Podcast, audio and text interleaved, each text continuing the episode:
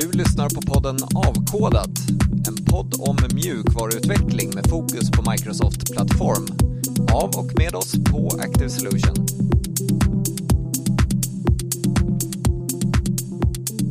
Varmt välkommen till det här avsnittet av Avkodat. Det här är ett specialavsnitt som är inspelat under Devsam-konferensen i slutet på maj. Devsam har under snart 20 år varit en av de absolut bästa utvecklarkonferenserna i Stockholm. Det är en konferens som alltid tycker jag lyckats ha en riktigt bra blandning utav det som man brukar kalla för mjuka ämnen eh, men även djupa, riktigt djupa intressanta tekniska ämnen, tekniska sessioner. Så vi tog med oss vår inspelningsmanik till Kistamässan där Devsam hölls i år och och eh, passade på att samtala med några av talarna på plats. Först ut är David Neal som höll inför en hel fullsatt sal en session om hur det är att motvilligt ta sig an en ledarroll. Därefter så snackar jag med Barry O'Reilly om de filosofiska grundtankar som egentligen ligger bakom hur vi arbetar med arkitektur. Och sen eh, hjälper Cecilia Wren och Johan Lindfors till att göra en sammanfattning utav dag ett utav konferensen. Och i det sista samtalet så pratar jag med Sebastian Olsson från Trusec. Och det handlar om säker utveckling och vilka säkerhetsavvägningar som är lite speciella när det gäller microservices-arkitekturer. Jag ber om ursäkt för ljudkvaliteten under samtalet med Barry O'Reilly. Det var jättemycket bakgrundsljud då på eh, konferensen och min mick fick tyvärr alldeles för hög signal in. Men som tur är så låter Barrys mick okej.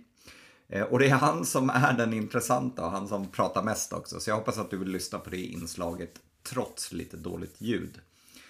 Du hittar tidpunkterna för varje inslag om du vill spola fram direkt på avkodat.se. Så, without further ado, här kommer David Neal. So, uh, I'm here with David Neal. I'm very happy to have you on the on the show. Yeah, thanks for having me. Yeah, and um, you are um, you're a speaker and an MVP, I yes, think, as well. Microsoft MVP. Yeah, in in what area? In development. Okay, so the the like general development. Uh, yeah. area. All right. Uh, but but you're also known as the guy who does excellent drawings. yeah, so that's a, a, a fairly new thing for me. Yeah. Uh, I started creating drawings for my slides and uh, talks that I was I was giving as a as a more entertaining way to, uh, you know, give presentations, and it turned into you know more and more things, and I just kept getting more opportunities or making more opportunities to draw, and and just fell in love with it. Uh, I actually had the the great uh, honor and opportunity to uh, have you draw me at the MVP summit a couple of years back. So yeah. that, that's my profile pic now. it's awesome. I love it. So thanks for that. And you also, um, my colleague Peter Örnholm, he, he's uh, sent all our pictures at Active Solution where, where yeah, we work to, very, to you. To very grateful that uh, Active Solutions has continued to call on me whenever you have new employees. yeah, so that's awesome. Thank you for that. Um, but um, so so let's talk a bit about your session though that you Yeah. are you're doing here. So it's called I need to check my papers again. Leadership guide for the reluctant leader. Yeah. That that sounds very interesting. Yeah. C- could you tell us a bit about Yeah, that? so I've I've been in software development for a long time. I started my career in IT in the mid '90s, um, and started building web applications. And throughout my career, I've I've been on this roller coaster ride of, uh, you know, being a programmer, then getting promoted into management, um, or a team lead, or some kind of leadership role in a company, and not enjoying that experience and taking another job somewhere else just to be a, a programmer again and, and you know going back and forth you know and it wasn't for many years until I realized well this is, this is kind of a natural progression for a lot of folks who are getting more senior uh, further along in their careers.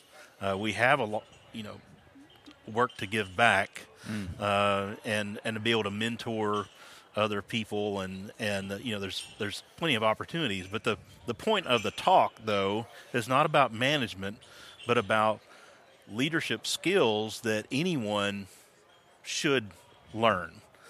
Yeah, be, because th- there's a big difference there be- Yeah. between being a manager and being a leader. Yeah, and that's part of the issue. Is I always conf- con- conflated the two. I always thought, well, to be a leader, you had to be a manager, and that's not the case. You can be a person of of influence, a person who uh, has impact, positive impact on people around you, regardless of what kind of role you're in, what kind of title you may have, or how much seniority or experience that you have. You have the opportunity to make a positive impact on other people around you.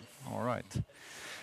So yeah, I'm I'm sure a lot of our listeners will feel feel familiar with this situation and ending Mm-hmm. up being like the senior in in the in the team or or getting that that kind of uh, seniority role or, or the team lead role or technical team lead role Right. and, and then um, struggling a bit with that uh, Yeah. the, the things that that Yeah, I- comes with it I early in my career when I you know began to progress and I got promoted into a a leadership role, um, management or or team lead role. I I kind of resented the that when that happened because I I really wanted to just focus on writing code and now I had responsibility to um, you know help others or encourage other people or to do meetings or to keep track of other people's work you know just a lot of things that were not coding.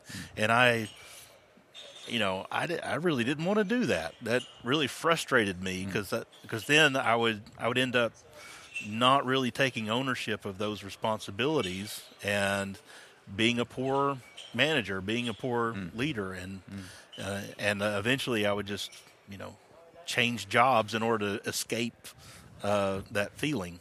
And and I guess also organizations aren't always that good at providing you with the tools correct. that you need. That's correct. That's that's something that that I have later experienced in my career that I wish uh, for for anyone that gets into that position is that they are part of a company that you know really respects and cares about their employees, so that when they do get promoted into those kind of roles, that they provide them with the resources and training, mentoring. You know that there is a a, a clear definition of what it means to be successful in that kind of role and to provide um, the the time and resources to make make that person successful. I Yeah. wish you know when I had been put in those roles early in my career that they had given me, given me the the things that I needed to be successful. yeah.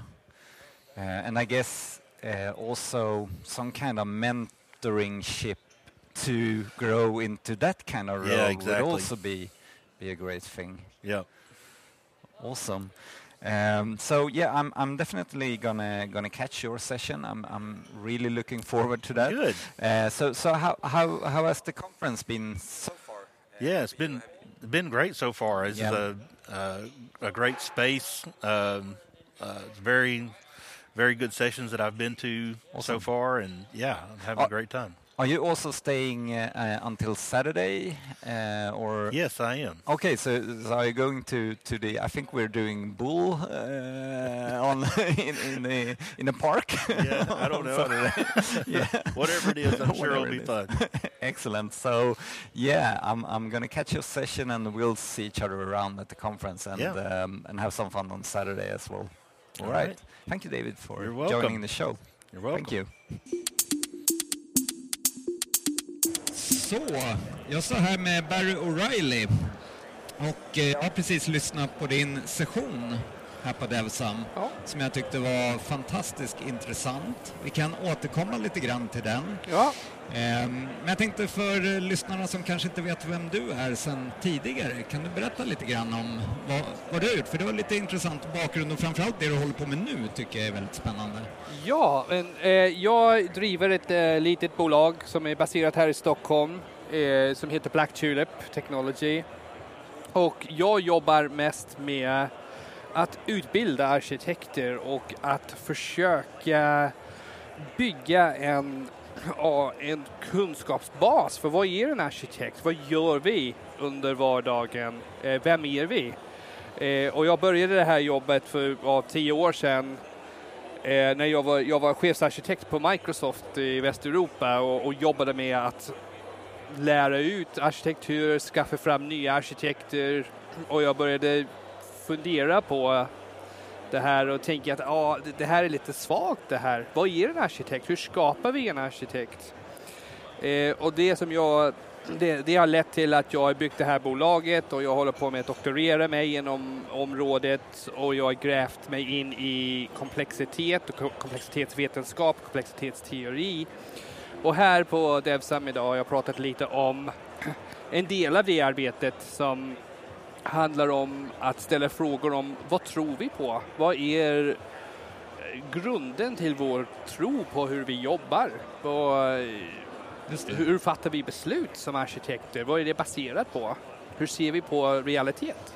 Jag vet att när du jobbade på Microsoft, då fick ju du även ta hand om sådana här misslyckade projekt lite grann, komma in som den här katastrofhjälpen i Ja. slutet på någonting Ja. som inte hade gått så bra. Ja, och tyvärr började den där resan långt innan min Microsoft-tid. Väldigt tidigt i min karriär så fick jag ett rykte av att den som kan rädda när, när, när det går, går åt skogen. Eh, Så jag har fått jobba väldigt mycket med att komma in i stora projekt eh, och utreda och granska och berätta vad som har hänt, vad som har gått snett här, varför har det gått snett? Som har också hjälpt väldigt mycket när jag funderar på hur tänker arkitekter och, och väldigt ofta hur, hur tänker de inte?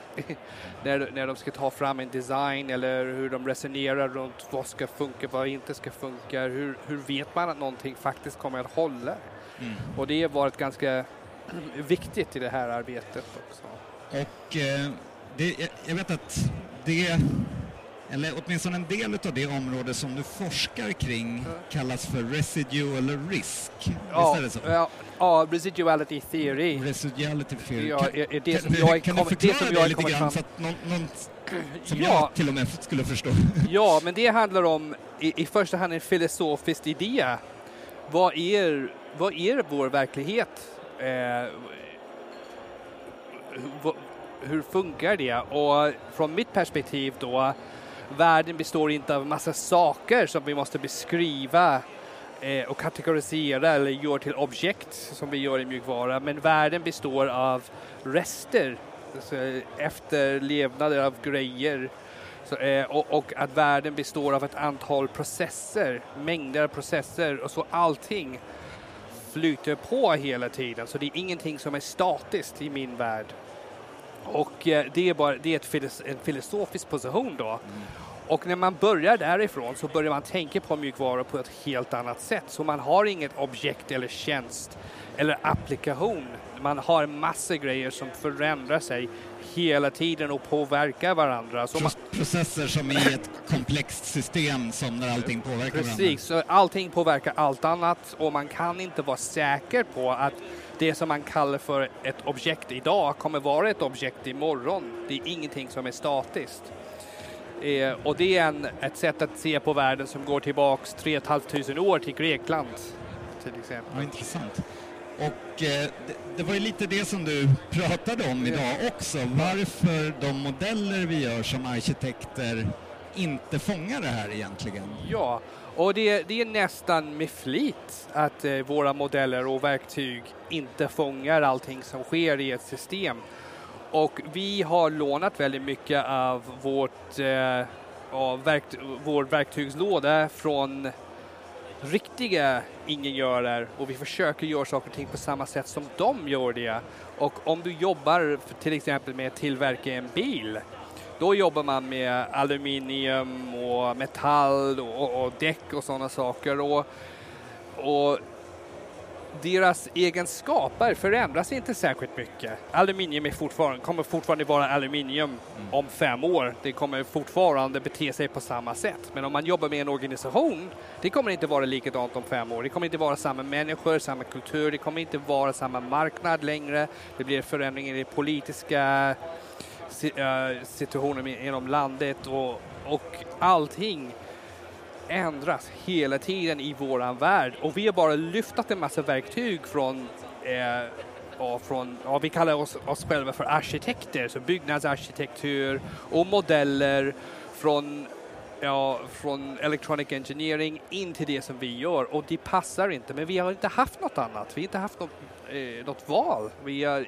varit ganska dåliga på att skapa nya verktyg som hjälper oss fatta arkitektoniska beslut. Och det är först nu eh, där forskare som jag börjar titta på det som vi har gjort tidigare och säga men det kanske kan finnas ett annat sätt att jobba här. Och där kommer komplexitetsteori med eh, en del idéer som, som bidrar, bidrar till det. Så hur kan man tänka då om man vill vidga vyerna lite grann? Eh, vad, vad, finns det för andra verktyg eller andra sätt att resonera kring det här på? Ja, men residuality theory som jag har skrivit väldigt mycket om, det finns en hel del vetenskapliga artiklar om det och Youtube-filmer och sånt. Det är ett sätt att tänka annorlunda på hur världen ser ut. Hur resonerar jag? Hur fattar jag beslut? Eh, och det gör massa grejer som jag tror känns väldigt konstiga för många utvecklare. Som vi, vi inte ska lita oss på mönstrar. Vi ska inte jobba med riskhantering och sannolikheter längre. Vi ska inte jobba med kravhantering eller processmodellering. Alla det där eh, leder till felaktiga bilder över det som faktiskt finns för att de är ganska statiska verktyg som inte mm. klarar av att, att modellera den verkligheten som vi, som vi lever i där allting rör på sig hela tiden. Och det här, det som har hänt är att vi har haft den här agila rörelsen och det har varit ett svar på det här problemet för det är uppenbarligen ett problem. Vi klarar inte oss. Vi, lever, vi kan inte leverera mjukvara med kvalitet när allting förändras hela tiden. Problemet är ju att agi, den agila rörelsen har fokuserat på process, hur vi levererar mjukvaror, våra SDLC men vi har tagit med oss alla de här statiska stationära verktyg, inte ändrat dem, så nu är det dags att, att, att börja göra det. Eh, min förhoppning då, genom att prata om filosofi, att vi börjar tänka på vad är det som vi håller på med här, att flera ska komma med nya idéer om hur vi kan lösa det här problemet, för det är någonting som hela industrin behöver ta tag i. Mm. Ja, det är en superintressant session. Jag är verkligen glad att, att, jag, att jag gick på den. Ja. Och, eh, går det att tänka så, för, du pratar ju nu om, om att förkasta en del av det här liksom, traditionella med riskhantering och analysverktygen som vi har haft. Kan man kombinera den då så att man har viss hjälp av de här traditionella verktygen men man måste måste även börja använda andra verktyg. Ja, absolut. Eh, och som jag sa i morse, anledningen till att vi lyckas ibland som arkitekter är att de här verktygen gör andra saker än vad vi tror att de gör. Mm. Så när du går runt och samlar in alla krav eller identifierar alla risk i ett projekt. Du, du, gör inte det, du samlar inte in alla krav, du kan inte, det är inte vetenskapligt möjligt att identifiera alla risker. Det som du gör är att du går runt och funderar och funderar om och tittar från olika perspektiv och så samlar på man sig ett kunskap om ett system och hur det funkar trots komplexiteten. Och eh, alla de här verktyg ger någonting, men de ger inte det som vi tror att de ger. Så mm. resultatet som en kravspecifikation eller en riskregister, det är inte resultatet, det ger ingenting. Det är resan som ger. Och ju fler verktyg vi har, desto fler resor, eller walks mm. som jag pratade om i morse, mm. vi gör genom en situation och, desto bättre vår eh, beslutsfattning blir med tid. Och är det det som man kanske kan tänka sig att de här, en del av de här väldigt erfarna personerna har lite grann, som sitter i deras gut feeling eller i deras liksom, ryggmärg som har jobbat länge, som är lite ska man säga, lite jaded nästan ja, vad gäller Ja, ja alltså, jag, tycker det, för mig är det en viss underhållande, det är underhållande att slå bort de här gamla idéerna. Men ja, det, man kommer att känna igen sig. Eh, man kommer att ha samma konversationer, men det, det gäller att ta samma konversation, använda verktygen mm. i kunskap. Att det här ger inte det resultatet som vi tror hela mm. tiden. Mm. Att det är, och jag jobbar när jag håller kurser och sånt väldigt mycket med folk som har jobbat länge i branschen. Mm. Att få bort den här idén att man måste vara korrekt hela tiden. För vi mm. kan inte vara korrekt. Vi har fel hela tiden och det gäller att ha fel tillräckligt ofta för att sen bygga en, eh, ett baskunskap för att kunna fatta bra arkitektoniska beslut. Mm. Eh, och oftast vill folk inte lämna det gamla som de är van med för att de tror att det är korrekt. Och, mm. och, det är väldigt viktigt att man är korrekt hela tiden. Så det är viktigare att göra kravhantering på ett korrekt sätt eller riskhantering på ett korrekt sätt än det är att gå lite vilse längs vägen men ha en bättre design vid slutet. Och det är lite det som jag förespråkar väldigt mycket också. Superintressant. Uh, ja, men stort tack för att du uh, ville ta dig tid och snacka lite. Jag vet ja. att uh, du, du ska iväg också strax till ja. NDC och prata. Ja, jag ska till Oslo ikväll. Ja. Ja. är det samma session som du kör? nej, jag ska prata bara om residuality okay. imorgon. Så de har ju inte fått höra det tillräckligt ofta i Norge tydligen. Så jag ska tillbaka och, och, och, och göra det där imorgon. Ja, men det är bra. Eh, få hoppas att det blir en, en väldigt bra NDC för dig ja. också. Då. Ja, och tack. Stort det var tack. roligt här på Devsam. Ja. tack. tack. Nu är jag här med Johan Lindfors och Cecilia Wirén och ni har precis trillat ut ur eh, säkerhetsspårsrummet där Cecilia, du har hållit din session. Ja. Precis. som handlar om, eh, lite brett om hur man får in säkerhetstänk i en agil utvecklingsprocess, skulle jag vilja säga. Ja. Och eh, jättebra session. Jag var inne och, och kollade på den. Superintressant. Vad, vad säger ni om dagen då? Jag är jättenöjd. Jag har fått popcorn. Du har fått popcorn. det var höjdpunkten på dagen. Nej, men det har varit en jättebra dag. Och alltså, jag, jag har ju varit och modererat säkerhetsspåret i det här rummet idag och är så glad över att ämnet får sån fokus. Mm. Eh, det behöver vi. behöver bli bättre på säkerhet generellt och det har varit jättemycket bra talare. Mm. Eh, visserligen har det varit väldigt mycket bra talare som jag har missat då såklart på de andra sessionerna, eller andra spåren. Men eh, jättemycket bra innehåll idag. Mm. Allt ifrån eh, mänskliga faktorer till eh, väldigt, väldigt tekniskt. Så det har varit mm. väldigt bra. Mm. Ja, jag kollade på Bustamente. Det var, eh, det var nyttigt, det var väldigt mycket information. Mycket information. Hon hade ju verkligen klämt mycket. ihop en ja. heldagsworkshop till 50 minuter presentation. Ja, och det var en, en väldigt Enterprise-fokuserad presentation. Hon är ja. ju, jobbar ju mycket mot de stora amerikanska kunderna, vilket inte är så förvånande att den Nej. presentationen innehöll alla komponenter från Azure som finns ungefär. Medan vi här i Sverige kanske märker smalnare eller mindre arkitekturer och kanske mm. lite mera lättviktiga liksom, lösningar. Mm. Men ändå ganska likt ändå, lite av de bitarna. Absolut, absolut. Nej, men det var jätteintressant och hon är ju oerhört duktig och det mm. märks ju att hon har ju varit med ett par år. Mm. Ja, ja det, det märks verkligen. Och, men, men Johan, då, du, du har egentligen eh, hållit dig kan man säga inne, inne på säkerhetsspåret. Ja. Eh, Silla, har du sett någon annan session? Ja, den sessionen du precis nämnde var jag tittat på. Sen ah, har jag mest fokuserat right. på att eh, dels eh, vara i fokus med min egen session, men också jobbat ute i eh, båset som vi själva har här. Så jag träffar lite deltagare och pratar med dem. Ah. Eh, och det är spännande. Vissa man har pratat med, de har faktiskt valt att nästan gå på bara säkerhetsspåret, vilket jag hejar för helt och hållet. Eh, men väldigt mycket trevligt folk och spridda, ja, både geografiskt och ämnes, alltså, vad man jobbar med. Liksom. Mm. Uh, och, men keynoten såg ni bägge två kanske? Eller nej? Jo, jag såg den. Du såg den? Ja, den, den, tyckte jag var fantastisk med Mona Reaback. Reabacke. Reabacke. Ja. Just det, det var jättebra och jag tycker alltid det är så roligt att se sådana presentationer som är ganska fokuserade på ledarskap, Eh, på professionell nivå, mm. men att det finns så mycket att lära sig även på den privata sidan. Alltså ta mm. till sig av hur jag förhåller mig till min familj och människor mm. runt och kompisar runt omkring. Det, är, det var en jättebra presentation. Jag måste mm. se mer av hennes eh, innehåll. Ja, jag blev också väldigt nyfiken på att kolla in mer. Hon kör någon podd också. Mm. Beslutspodden? Ja, något sånt. Ja, med, tillsammans med sin man. Ja. Ja, det verkar också jättespännande.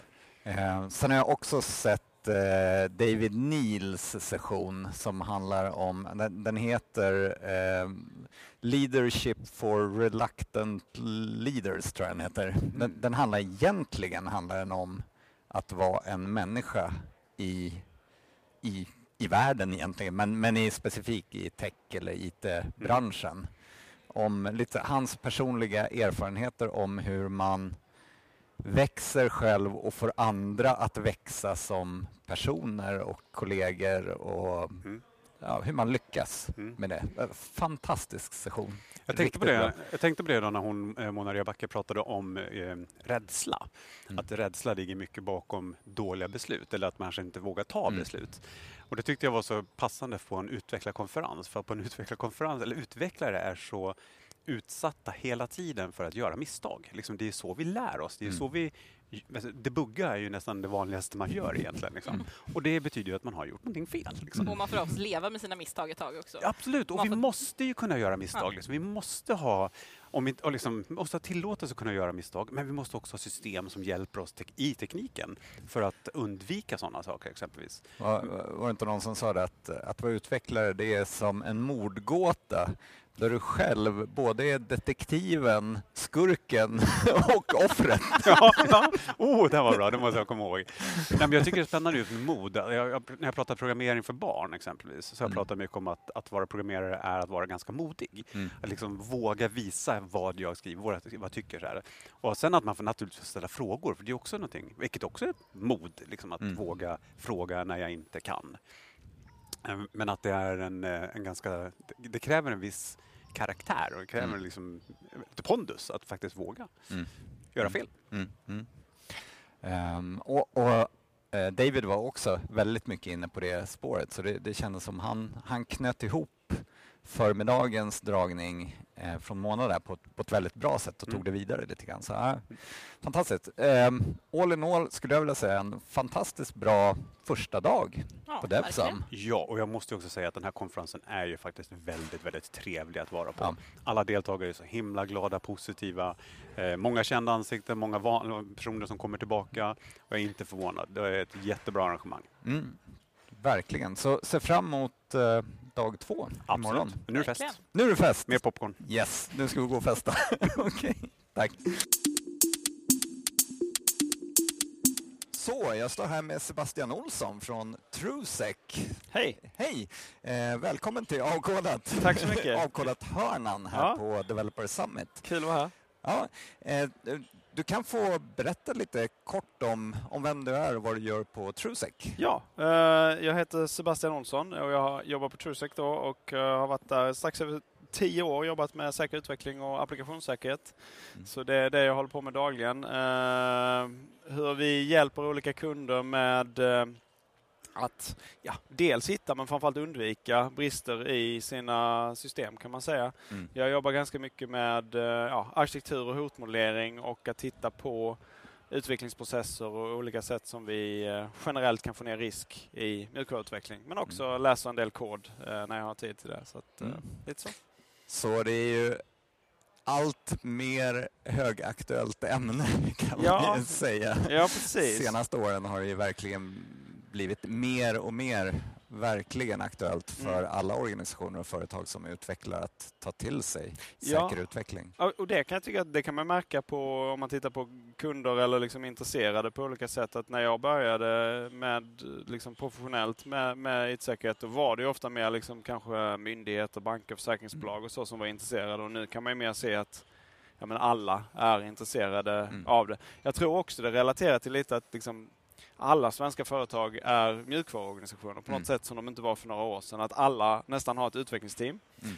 Antingen så är det konsulter som, som gör det eller så har de, har de det in-house. Men liksom även, nej, det, det, det är väldigt få företag som inte sysslar med mjukvaruutveckling idag på något sätt. Eh, Och det här också att det duger inte längre att eh, i sluttampen på något stort projekt ringa till er och be er att komma och pentesta lite grann och så liksom försöka. Alltså det är bra att göra det Ja. också, men det, det, det måste komma tidigare i processen. Ja, men det kan man ju säga. Alltså det, det är klart att det, det, ska man göra om man inte har gjort det. Problemet är väl att man kommer inte vara så nöjd med resultatet kanske, är väl, är, väl, är väl nackdelen. Så man vill ju kanske få ett bättre, bättre resultat. Nej, men det stämmer. Man måste få med säkerhet hela vägen mm. i utvecklingsprocessen. Sen måste man ju också såklart, även som säkerhetsperson förstå att säkerhet är inte det viktigaste i systemet. Det viktigaste är givetvis det som systemet är satt att göra på något mm. sätt, såvida det inte är en säkerhetsfunktion. Mm. Uh, men, men uh, säkerhet ska finnas där för att se till att man faktiskt kan leverera uh, på det sättet som förväntas. Och då handlar det väldigt mycket om att få upp risker, att förstå mm. vad risken är med saker och ting. För då får du också en möjlighet att, att prata med olika beslutsfattare i organisationen så att de får ta ett beslut om man ska acceptera en väldigt stor risk till mm. exempel. Mm. Uh, så, så det, det, är det man får se det ifrån. Liksom, vad, är, vad är eh, vettiga åtgärder att göra och inte? Och det är mycket fokus på min prestation som jag hade här, eller försökte vara i alla fall, just, just att tänka kring risk. Och den var ju också lite grann inriktad specifikt på det här när man går från monoliten till mm. microservices mm. och lite de uh, olika det både likheter och skillnader som, mm. som finns där. Och det är några saker kring microservices som är lite intressanta.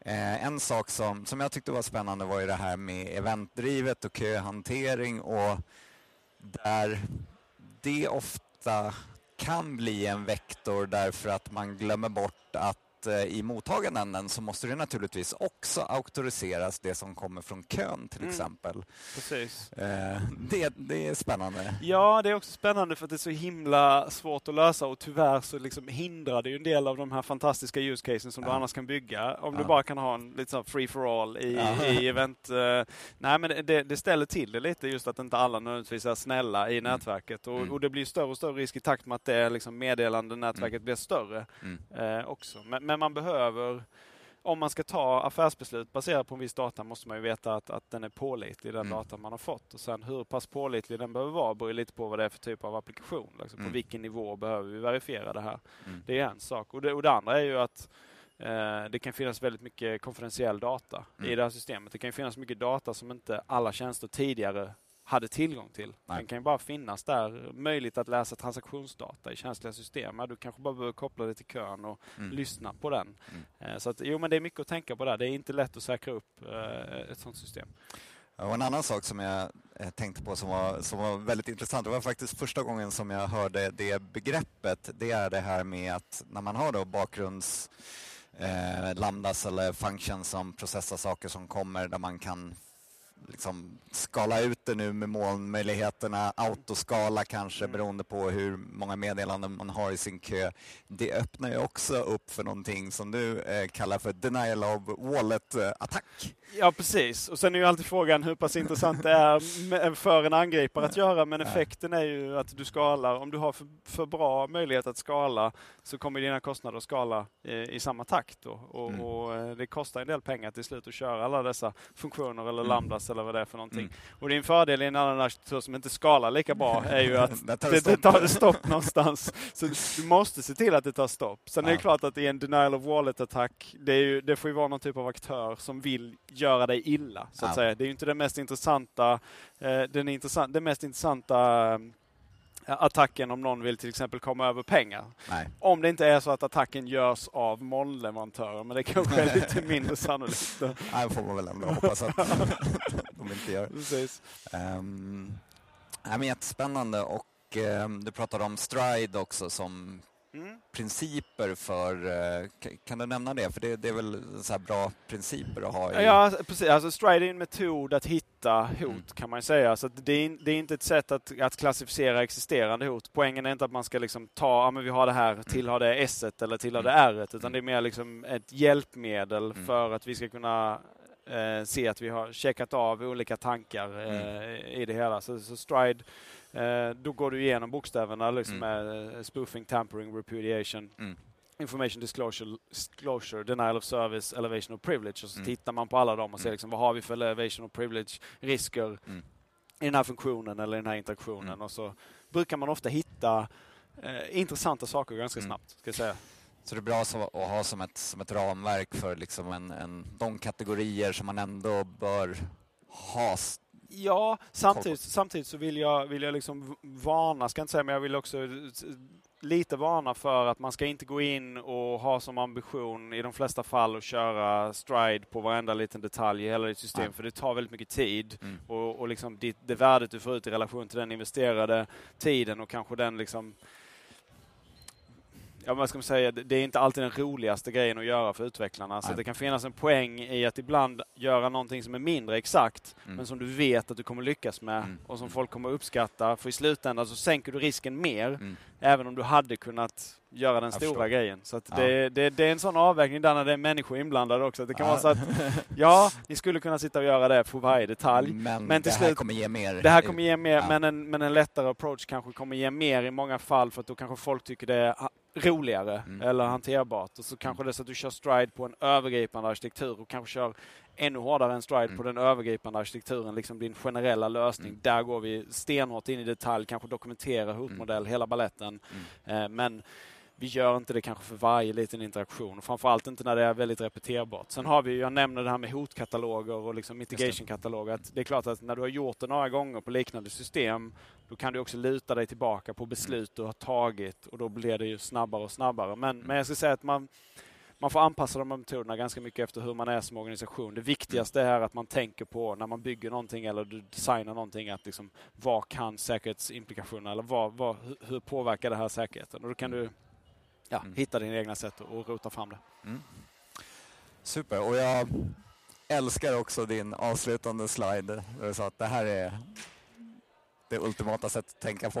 ja, just det. Nej men det, det är väl just det, det var det, precis. Nej men det är ju att, uh, ja det beror på i vissa det fall. I vissa fall så är det, det, det är det som är poängen är ju att det är inte slumpmässigt men Nej. det beror på. Man behöver mm. tänka på det, man behöver fundera och göra ett medvetet val mm. på något sätt och, och i, i, relation till risk och, och, kostnad och hela biten såklart. Uh, men, men det ju, kan ju vara väldigt farligt att säga liksom att man har, man har gått på en konferens och sett någon häftig, ja, häftig arkitektur och så bara liksom det här är alldeles för mycket. Ja, vi måste köra Kubernetes. Bara, mm. Men det måste ni kanske inte. Ni kanske mm. kan köra liksom enklare webbservicer. Ni kanske mm. göra något annat för det kanske passar er bättre. Mm. Sen i andra fall kan det vara liksom, ni kan inte köra 200 sådana här application service. Det här är inte hanterbart. Ni borde mm. gå till en orkestreringsplattform. Mm. Liksom. Så det är ju alltid en avvägning och sen finns det olika för och nackdelar. Men jag tycker att mm. det blev ännu tydligare för mig när jag liksom gjorde den här äh, prestationen från början. När jag, liksom, när jag, när jag går in till kunder så är det liksom varje gång så tappar vi den här autentiserings och auktoriseringsdelen. Och det är mm. verkligen så det är oftast, för mm. den är lite jobbig att få på plats. Uh, och ja, så ser det oftast ut.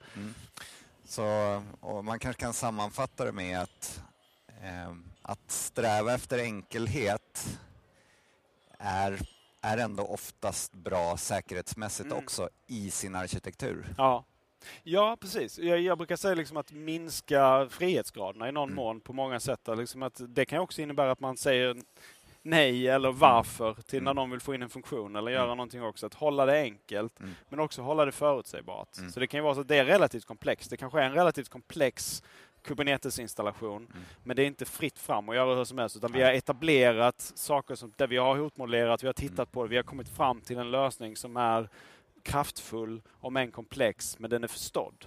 Vi använder infrastructure as code för att få liksom ja. automatiseringsspårbarhet. Ja, och, inte, precis. Liksom, tydlighet är ju saker... Ad hoc, eh, exakt, exakt. Vi vet, vi vet att det inte driftats för mycket. Liksom, i verkligen. Ja. Nej, men just det där att, att, att, man vet, vet vad man har och att man har tittat på det. Och, och som jag nämnde att det kan tyvärr inte vara så att alla bara kan göra exakt precis hur de vill och bara plocka in alla bibliotek och byta språk och så vidare. Så här, eh, då måste man eller det kan det vara, men då måste man bygga en mycket, mycket dyrare infrastruktur som faktiskt kan hantera säkerheten i, i det. Och då kanske man behöver fokusera mer på att isolera system till exempel, medan om du följer en mer liksom, gyllene väg som vi har etablerat, då kanske vi inte behöver ha lika mycket skydd runt den där grejen vi inte riktigt litar på. Mm. Så att, eh, det är en avvägning också där.